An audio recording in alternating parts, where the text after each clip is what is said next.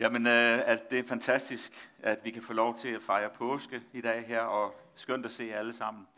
Og øh, ja, det er sådan lidt mærkeligt at stå her og, og skal tale, når nu det skulle have været Gert, der skulle tale i dag. Jeg håber ikke, jeg skuffer jer. Jeg håber ikke, I bliver virkelig, virkelig skuffet her bagefter.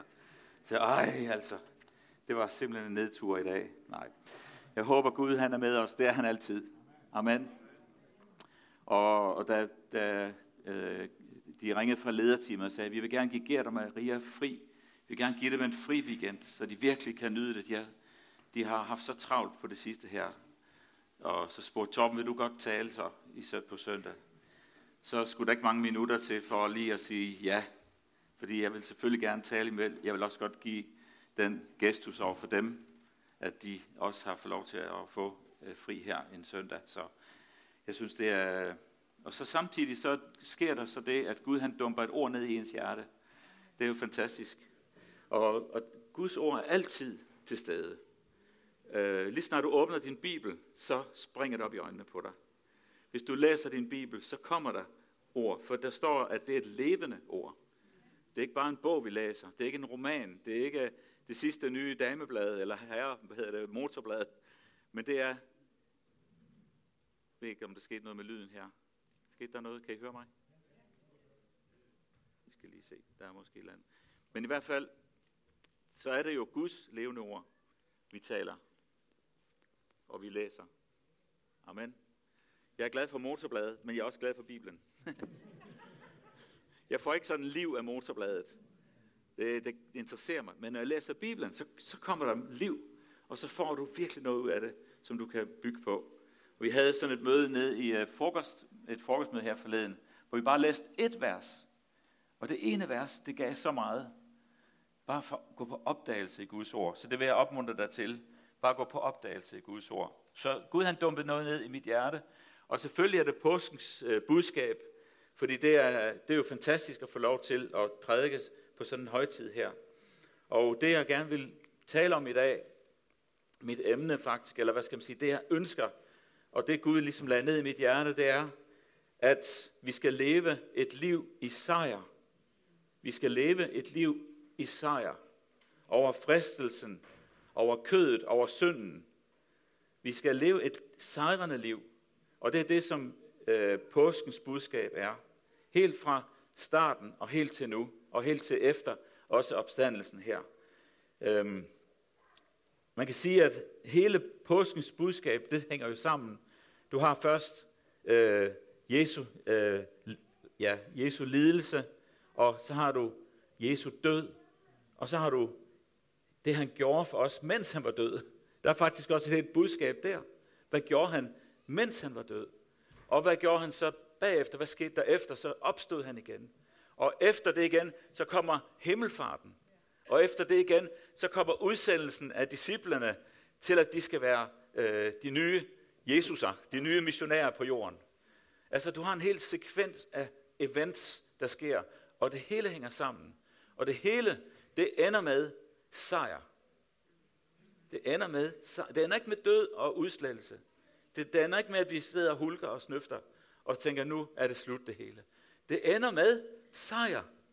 Det ender godt, venner. det gør det.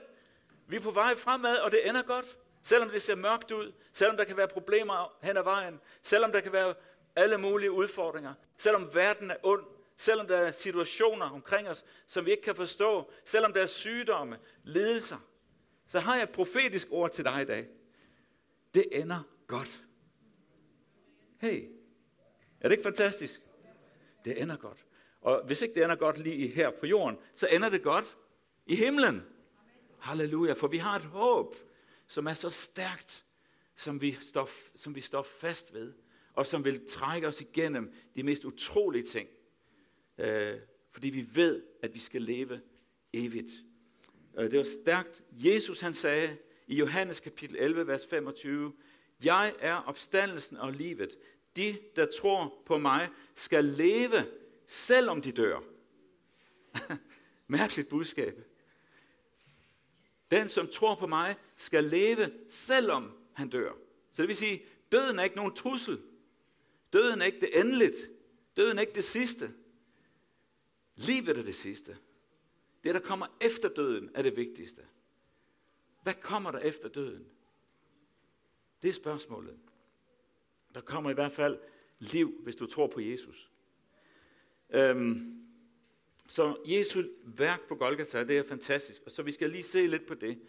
Øh, I Israel, der kalder jøderne for påsken, den kalder de for øh, på engelsk Passover. Altså, Passover siger man.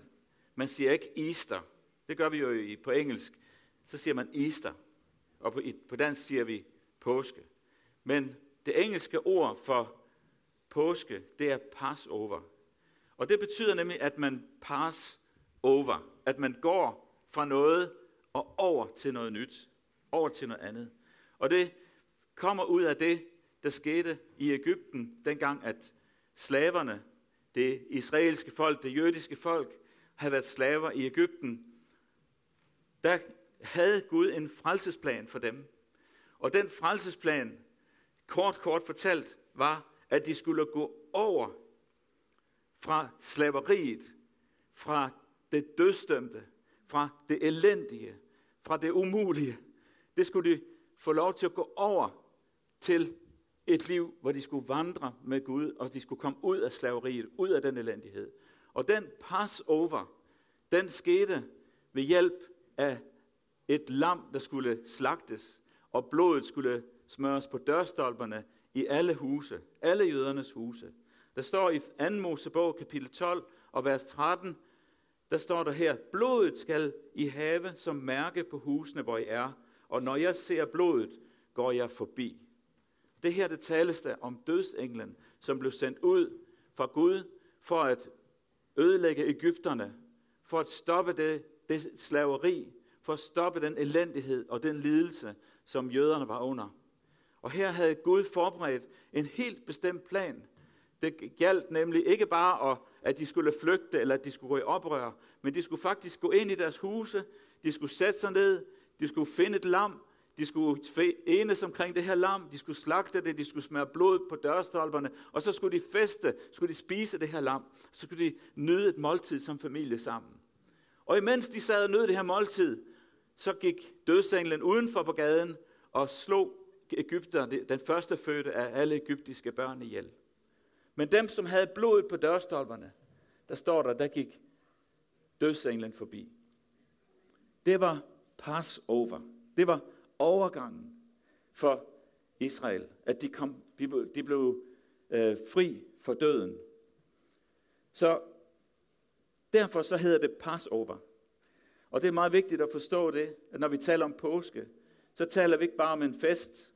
Og selvom vi øh, i dag har, ja, vi har festet meget, vi har selv haft det meget, meget dejligt derhjemme her hele påsken med vores børnebørn og børn. Men det, der betyder aller, allermest for os nu, det er nemlig vores, det er derfor, vi er her i dag. Det er den højtid her. Det er, at vi er gået over fra døden til livet. Vi er gået over fra døden til livet, fordi Jesus, han har taget med sit blod, med blodet på dørstolpen, så er han blevet lammet. Jesus er blevet det lam, som er blevet blodet, som har fået os til at blive fri, så vi kan blive fri fra døden. Derfor så er påskens fest i dag her, det er en fantastisk fest. Fordi for det første, så er det blodets betydning, som er enormt vigtig, og som gør, at vi blev frie. Opstandelsen vil sådan set ikke betyde noget, hvis ikke der først har været en forsoning. Hvis ikke der først har været, at, at øh, vi var blevet reddet fra døden. Så der er syv velsignelser, som bliver forløst gennem Jesu blod. Syv ting, som du kan tage imod i dag. Hvis du tager imod Jesu blod og siger, tak Jesus, for det, at du døde for mig. Tak Jesus, at dit blod det blev udgydt for min skyld, så dødsenglen Satan han gik forbi. Så udløser det for dig frelse. Så udløser det for dig, at du er fri for din synd. Og det, det der er de her syv ting, skal jeg bare nævne her. Det første det er, at du går fra død til livet. Det er en vild velsignelse. Prøv at tænke på det. Du skulle have været død. Vi skulle have haft en kæmpe begravelse her i dag. Det skulle være fyldt med kister her. Tænk, hvis Jesus ikke var død, og hans blod ikke var udgydt. Hvad ville der så være sket? Så var der ikke noget håb for dig og mig. Men Jesus døde, og der står, han friede os ud af mørkets magt og flyttede os over i sin elskede søns rige. Sandelig siger jeg, den der hører mit ord og tror på ham, som har sendt mig, har evigt liv og kommer ikke for dommen, men er gået over fra døden til livet. Halleluja. Hvis du er her i dag, og du ikke har oplevet det endnu, så er det din mulighed nu. det er simpelthen at få den her fantastiske oplevelse. Det andet, der sker, den anden velsignelse, det er, at du bliver forlit med Gud. Det, der skilte før, den synd, der var, det, der gjorde, at du ikke havde fællesskab med Gud, det bliver pludselig lavet om. Det bliver pludselig ændret. Pludselig har du fællesskab med Gud igen.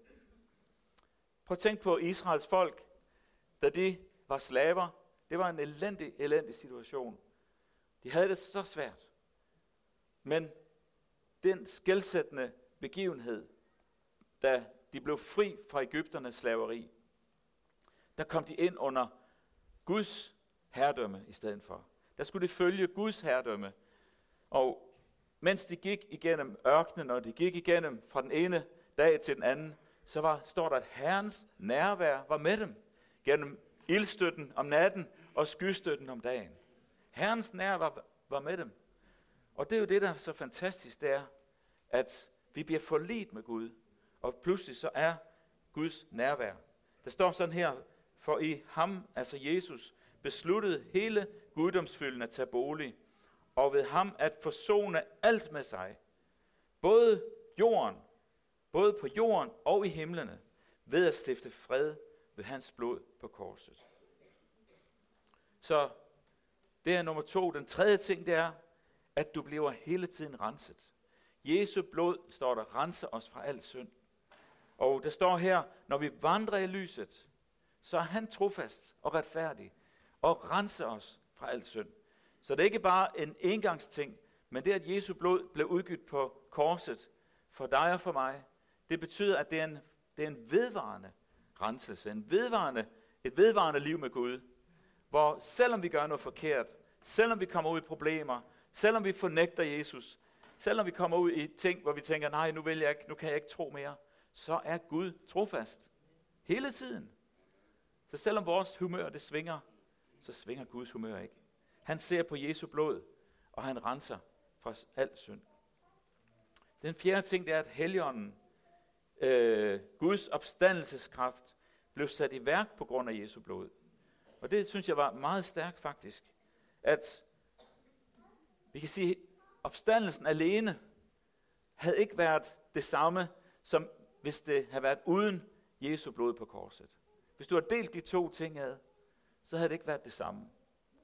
Men fordi at først så døde Jesus, og først så sonede han vores sønder, og så blev vi renset, og vi fik fællesskab med Gud, så kom opstandelsen bagefter, som det næste kapitel, som giver os opstandelseskraft, som giver os heligåndens kraft. Så hvis du vil tage del i festen, opstandelsesfesten i dag, så skal du også tage del i den anden fest først. Ikke? Du skal først med på den fest først. Der bliver du renset og ordnet og gjort klar det hele, og så kan du komme ind til opstandelsesfest. Yes. Så står der her også, at du bliver helliget Gud. Helliget Gud. Det betyder, at du bliver sat til side for Gud. Det er en enorm velsignelse. At du både er blevet renset, du er blevet tilgivet, du er undgået døden, og du har fået Helligånden som din ven. Og så kommer det, at du også er helliget Gud. Det betyder, at du er sat til side for Gud. Gud ønsker at leve sammen med dig, og du skal leve sammen med Gud. Og Gud ønsker, at du skal tjene ham. Det står sådan her, vi har virkelig grund til at takke Gud for jer til enhver tid, venner. Herren elsker jer, og Gud udvalgte jer til at være blandt de første, der blev frelst. I kom til tro på sandheden og blev renset og helliget af hans ånd. Så det vil sige, at det, igen er det ikke kun et spørgsmål om at tro på en religion, men det er om at leve et liv. Om at komme ind i et liv med Gud. Fordi du er helliget Gud, og Gud han vil bruge dig. Den sjette ting, det er, at du har gjort fuldkommen. Det er jo også utroligt. Er der nogen her, der er fuldkommende? Nej. Det er vi ikke. Vi har alle sammen fejl. Men Gud har gjort dig fuldkommen. I Gud, i Kristus, i det værk, han har gjort, der er du gjort fuldkommen. Når Gud ser på dig, så ser han på dig som sit elskede barn, som fuldkommen. Jeg har mine børnebørn med i dag. To styk. Når jeg ser på dem, åh, så er mit hjerte bare fuldstændig blødt. Når de kommer op på mit skød og sidder her. For mig er de 100% fuldkommende. 100%. Ikke 99%. 100%. og det tror jeg, alle jer, der har børnebørn, I har det sådan. Ellers er I nogle dårlige bedsteforældre, må jeg sige. nu burde I skamme jer. Når Gud ser på dig, og han ser, hvad Jesus han har gjort for dig, han har renset dig, så er du fuldkommen. Fuldkommen. Fuldkommen. Så det er en god måde at slippe af med sit mindreværdskompleks på. Åh, oh, jeg har det ikke så godt. Åh, oh, det går ikke så godt i dag. Åh, oh, jeg har det, jeg har heller ikke gjort det, jeg burde have gjort. Ved du hvad? Det kan godt være, men set fra Guds synspunkt, så er du. Fuldkommen. Og så er den syvende ting, det er, at du har fået frimodighed til at komme frem for Guds trone. På grund af Jesu blod, så kan du komme frem for Guds trone. Altså i det gamle testamente, der måtte man have en præst. Og der er også mange religioner i dag, hvor du skal have en præst, for at kunne komme frem for Guds trone. Og der er mange præster, de er, det er sådan helt erhverv nærmest, at man skal have sådan og sådan og sådan, og der skal så mange ritualer til, og man skal komme med så så mange ting, man skal ofre. Dorte, ja, vi har, rens, vi har nogle gange rejst i øh, Asien, hvor man ser buddhisterne, hvordan de, de, de skal igennem det ene og det andet og det tredje og det fjerde. De skal ofre. De skal gøre alt muligt, og alligevel, alligevel kan de ikke komme frem på Guds trone. De kan kun komme til præsten. du har mange, mange religioner, du er faktisk også kristne nogle gange. Også kirker, som siger, jamen du skal først ind til præsten. Og så skal du gøre det og det og det og det. Men ved du hvad, sådan er det faktisk ikke. Du har fuld adgang til Guds trone. Du kan sætte dig hvor som helst, hvornår som helst, og sige, Jesus, nu kommer jeg til dig. Jeg vil gerne snakke med dig. Jeg har brug for din hjælp lige nu. Jeg har brug for, at du styrker mig lige nu. Gud, jeg kan ikke finde ud af det her. Hjælp mig. Det har du, det har du lov til. Så du har fået fuld adgang ind for Guds trone. Så er det ikke syv fantastiske velsignelser? Du er gået fra døden til livet. Du er forlit med Gud. Du bliver hele tiden renset. Du har helligånden. Du bliver helliget Gud. Du er gjort fuldkommen. Og det sidste, du kan komme frem for Guds trone. Det er sket på grund af Jesu blod. Det skete, hvad var det, langfredag? Var det skal torsdag? Det var vist langfredag. Var det langfredag, Jesus døde? Der. Der skete det. Hans blod blev smurt på dørstolpen. Og du gik over fra døden til livet. Halleluja. Halleluja. Nu vil jeg, lige før jeg siger halleluja tredje gang, men nu stopper jeg anden gang, det er nok. Vi skal heller ikke gøre det for grove. To gange er nok. halleluja. Nå, men hvor er det fantastisk. Kan I huske, i gamle dage, der sagde man, i gamle dage, der sagde man, jeg er blevet frelst.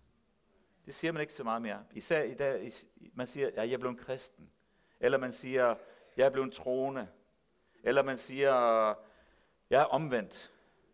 Men faktisk, så er det det her, det betyder. Jeg blev frelst fra døden. Jeg blev frelst. Altså hvis du var på et skib, og du sank, og der kom en og tog dig, så blev du frelst. Du blev ikke bare sådan lige, ah, jeg er blevet en kristen. Ah, jeg kom til at tro på en redningsvest. Jeg kom til tro på en redningsvest nu. Nej, du blev frelst. Halleluja. Så du, du skal forstå det her, at det er så stærk en oplevelse. Det er så stærk en ting, at du blev frelst. Du er simpelthen gået fra døden til livet. Det er simpelthen utroligt. Og hvis ikke du er det i dag, hvis du stadigvæk ikke helt er sikker på, om du er frelst på den her måde, som jeg taler i dag, så kan du blive frelst i dag. Halleluja. Du skal ikke bare være en troende. Du skal ikke bare være overbevist sådan teoretisk om, at ja, Bibelen er måske sand, og det, Jesus var også en god person, og ja, der er mange ledere ude i verden, mange religiøse ledere, og Jesus han var i hvert fald en af de rigtig gode, og bla bla bla bla bla. Nej. Du skal blive fuldstændig overbevist, og fuldstændig forstå det her fuldstændig, at du er, blevet, du er gået fra døden til livet. Du er blevet frelst. Og hvis ikke du blev frelst, så var du død. Ganske enkelt. Der er ikke noget mellemting mellem død og liv. Det er der ikke. Enten så lever du, eller også er du død. Så derfor er det kaldt til dig i dag om at blive frelst. Så hvis ikke du har oplevet den her frelses vidshed, så skal vi bede for dig. At du virkelig mærker, ja, jeg er gået over fra døden, og nu lever jeg. Nu er jeg fri for min synd, fri for det, som, som har bundet mig, fri for det, som er, måske jeg har arvet, fri for det, som, som altid har tynget mig. Jeg er ikke længere en slave. Jeg er ikke længere i Ægypten.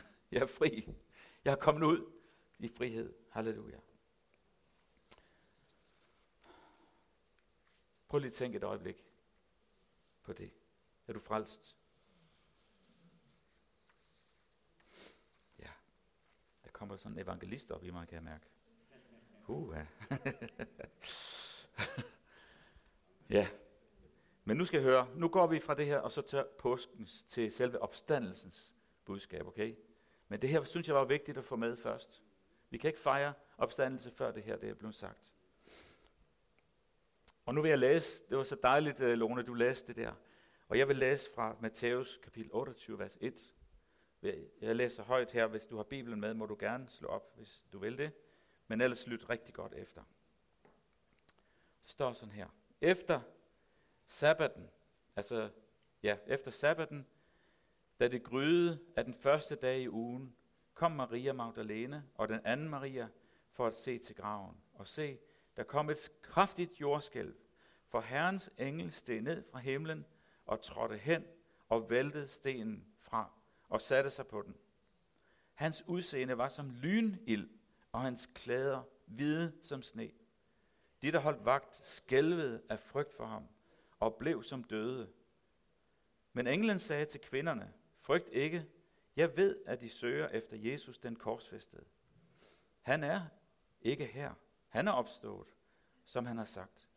Kom og se stedet, hvor han lå, og skynd jer hen, og sig til hans disciple, at han er opstået fra de døde. Og se, han går i forvejen for jer til Galilea, der skal I se ham. Nu har jeg sagt jer det. Og de skyndte sig bort fra graven med frygt og stor glæde og løb hen for at fortælle hans disciple det. Og se, Jesus kom dem i møde og hilste dem med et godmorgen. Dejlig Jesus. Så simpelt var. Og de gik hen, omfavnede hans fødder og tilbad ham. Der sagde Jesus til dem, frygt ikke, men gå hen og sig til mine brødre, at de skal gå til Galilea. Der skal de se mig.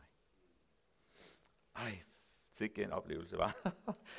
Kunne du tænke dig at være i disciplernes eller de her kvinders øh, sandaler den dag? Hold da op, mand. Sikke en, en oplevelse, det har været. Prøv at tænke på den her. Prøv at tænke på det i dag. Nu er vi i 2022. Prøv at tænke på, om der var nogen, der opstod fra de døde. Ja. Nogen, vi har begravet måske for nylig. Pludselig så opstår vedkommende igen. Det ville da være helt vildt, var. Jeg tror, det, for os er det faktisk en helt umulig tanke, at det kan ske. Jeg har aldrig hørt om det i Brande. Har I det? Inden på gravpladsen derinde, at der er nogen, der er opstået fra de døde. Jeg har aldrig hørt om det. Nej. Og måske heller ikke, måske i Sønderomme, men ikke i Brande. Nej. Men i hvert fald. Det er som om, at for dem var det fuldstændig umuligt. Det var fuldstændig ulogisk. De gik ud til graven for at, bare for at se, hvordan det gik derude. Og de var omsorgsfulde kvinder, øh, så de havde bare det her, de var bare lige ud og se, hvordan det gik. Men så, kom, så mødtes det her syn, og så mødte de alt det, der skete her. Så for os som mennesker er det her en fuldstændig umulig tanke. Vi tror ikke, at det kan lade sig gøre at opstå. Og derfor så er det også tit, når man snakker om opstandelsen, at folk de trækker lidt på smilebånden. Det er det samme også med, med jomfrufødslen for eksempel. Til jul, så taler man om jomfrufødslen, og Maria, ja, så trækker man lidt på smilebånd. Det kan da ikke lade sig gøre. Ej, helt ærligt. Det har vi da lært i skolen. Der skal en mand og en kvinde til. Men det er faktisk, det er rigtigt, hvad der står i Bibelen. Det er også rigtigt, at der var en opstandelse. Det er rigtigt. Det er ikke bare noget, der står. Og faktisk, så havde de også oplevet det før, fordi Jesus havde faktisk gjort et mirakel en gang i Lazarus' og Maria og Martas hjem. Der var Lazarus jo død, og så havde de inviteret Jesus til at komme. Og Jesus han kom, og der oprejste han Lazarus fra de døde. Så det var faktisk sket. De havde faktisk et eksempel på, at det var sket. Der var også et andet eksempel, som jeg læste her i forbindelse med Jesu korsfæstelse, at da forhænget det blev, da Jesus udåndede, og forhænget det revnede i templet, og der var et jordskælv, og det blev mørkt, solformørkelse hele dagen, der står der der, eller i, i den, øh, klokken 3 om eftermiddagen, der står der, at der vågnede de døde i gravene, og begyndte at gå rundt i byen. Det står der, hvis du blæser lidt før. Altså helt ærligt, det havde været lidt vildt, ikke? Hvis det skete. Pludselig begyndte de at gå rundt i byen.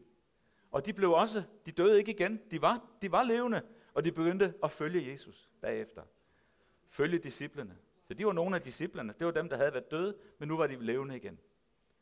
Altså, altså så vildt. Hvor var det en vild oplevelse.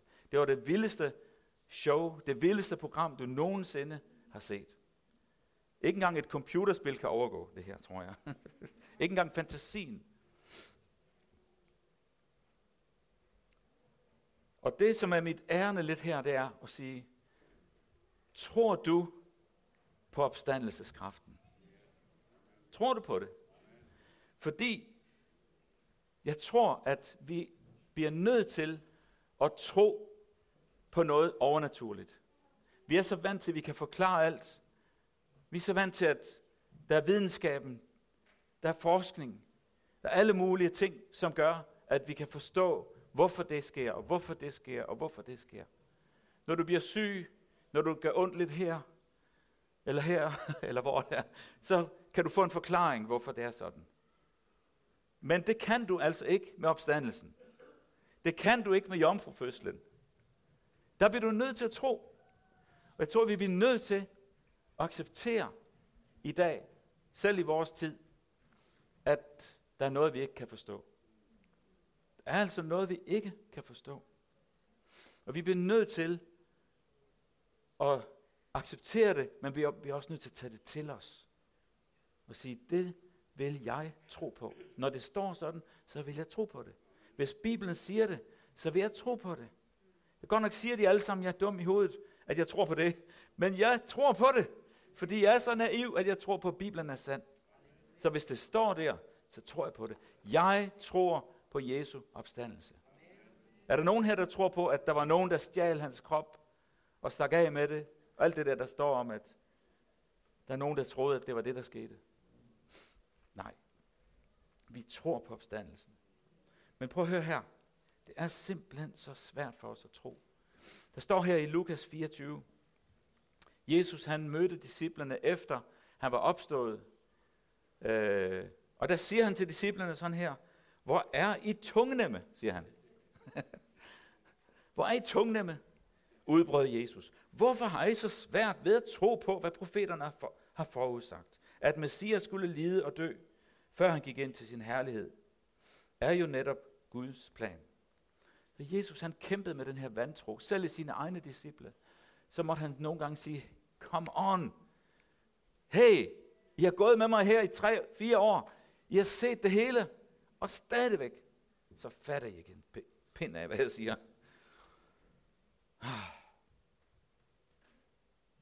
Vi bliver nødt til at tage det her til os. Der står her, Paulus han siger i en prædiken, der var på et tidspunkt lige efter, at disciplene var begyndt at prædike i Jerusalem, så var der en lam mand, som sad ved templets indgang. Og ham fik de tro på, at han kunne blive helbredt. De tog ved ham, og han rejste sig op og blev helbredt. Og det skabte en masse tumult. Fordi folk vil simpelthen ikke tro på, at det skete, men det skete jo. Og der siger han, sådan her, Paulus siger sådan her, livets fyrste, altså Jesus, dræbte I, men Gud oprejste ham fra de døde. Det er vi vidner om. Ved troen på Jesu navn har hans navn bragt denne mand, som I ser og kender til, til kræfter. Den tro, som man virket ved Jesu navn, har for øjnene af jer alle givet manden hans fulde førlighed. Altså, der var nogen, der stadigvæk ville tro. Der var nogen, der ville argumentere. Der er nogen, der ville sige det ene og det andet. Men Paulus sagde, men hør her, prøv at se. det er bevis nok. Han går jo rundt ham her, som har været øh, lam nu, fra helt fra barn af. Så jeg vil gerne spørge dig, tror du på mirakler? Tror du på mirakler? Vi bliver nødt til at tro på mirakler. Fordi Jesus opstandelse var et mirakel. Hvis ikke du tror på det, så har du jo ikke rigtig noget at tro på, faktisk. Guds rige består af mirakler, tegn og under. Det vi læser om i Bibelen, det er jo mirakler på mirakler. Det var ikke ting, der skulle ske, men de skete bare, skete bare alligevel. Paulus, han, på et tidspunkt var han så frustreret over menigheden i Korinth, fordi de blev ved med at argumentere, de blev ved med at snakke om og sige, jamen må nu også det sker, og så videre. Og så siger han til sidst sådan her i 1. Korintherbrev, kapitel 15, men når det prædikes, at Kristus er opstået fra de døde, hvordan kan så nogle af jer sige, at der ikke findes nogen opstandelse fra de døde? Hvis der ikke findes nogen opstandelse fra de døde, er Kristus heller ikke opstået. Men er Kristus ikke opstået, er vores prædiken tom, og jeres tro er også tom. Og så siger han også, for hvis død ikke opstår, er Kristus heller ikke opstået. Og at Kristus ikke er opstået, er jeres tro forgæves. Så er I stadig jeres sønder, og så er også de, som er sovet hen i Kristus, gået fortabt. Prøv at tænke på det. Så vores, vores vantro, vores tvivl, det kan godt være, at du, du ikke tror på det. Lad os sige, at du ikke tror på det. Men det skete alligevel. det skete alligevel. Så okay, vi kan godt være vantro, men det skete alligevel. Det er bevist. Fordi så siger Paulus, men nu er Kristus opstået fra de døde, som første grøden af dem, der er sovet hen. Fordi døden kom ved et menneske, er også de dødes opstandelse kommet ved et menneske. For ligesom alle dør med Adam, skal alle gøres levende med Kristus. Halleluja. Så det sker altså alligevel. Det er sket. Det er virkeligt. Jesus lever. Det gør han virkelig. Så kan du sige, hvad du vil, men det gør han bare. Der står her, døden er opslugt og besejret. Død, hvor er din sejr? Død, hvor er din brød? Gud skal tak, som giver os sejren ved vor Herre Jesus Kristus. Så din tro, din tro er vigtig her. Fordi du kan godt gå rundt og være i tvivl, men det er jo sket alligevel. Jesus lever, uanset hvad du siger. Men det vil give dig meget mere, hvis du tror på det. Vi er som kirker og som kristne, så er vi troens folk. Vi er ikke, vi er ikke videnskabsmænd. Det er vi faktisk ikke. Faktisk så er vi slet ikke videnskabsmænd, eller, eller sær, nogen måske, især mig. Paulus han siger, især mig, siger han. Jeg er den ringeste af alle. Men han havde en stærk tro. Derfor så er det så vigtigt, at vi tror, at vi har tro på, at Jesus han opstod, at vi har tro på jomfrufødslen, at vi har tro på, at der er mirakler. Vi har tro på, at Gud er miraklernes Gud. Gud kan helbrede i dag. Gud kan røre ved situationen i Ukraine. Gud kan skabe nyt, der hvor det er fuldstændig brudt ned. Gud kan selv oprejse de døde, hvis det skulle være. Det kan han. Intet er umuligt for Gud. Så derfor så er det vigtigt, at du får tro, og det er, det er mit ærne i dag, det er at fylde dig med tro. Mm. Pumpe, pumpe, pumpe, ligesom cyklen, ikke? Pumpe, pumpe, så du virkelig bliver fyldt. Kom nu. Ah, vi tror på Jesus. Han er levende i dag. Hvad sker der, når du har tro? For det første, så giver det dig håb. Hvis du har tro, så har du også håb. Det kan godt være, at det ser håbløst ud, men fordi du har troen, så har du et håb. Så kan det komme, hvad komme vil, men du har et håb. Du ved, at Jesus han er med. Hvis du har tro på opstandelsen, så tror du også på sejr over synden.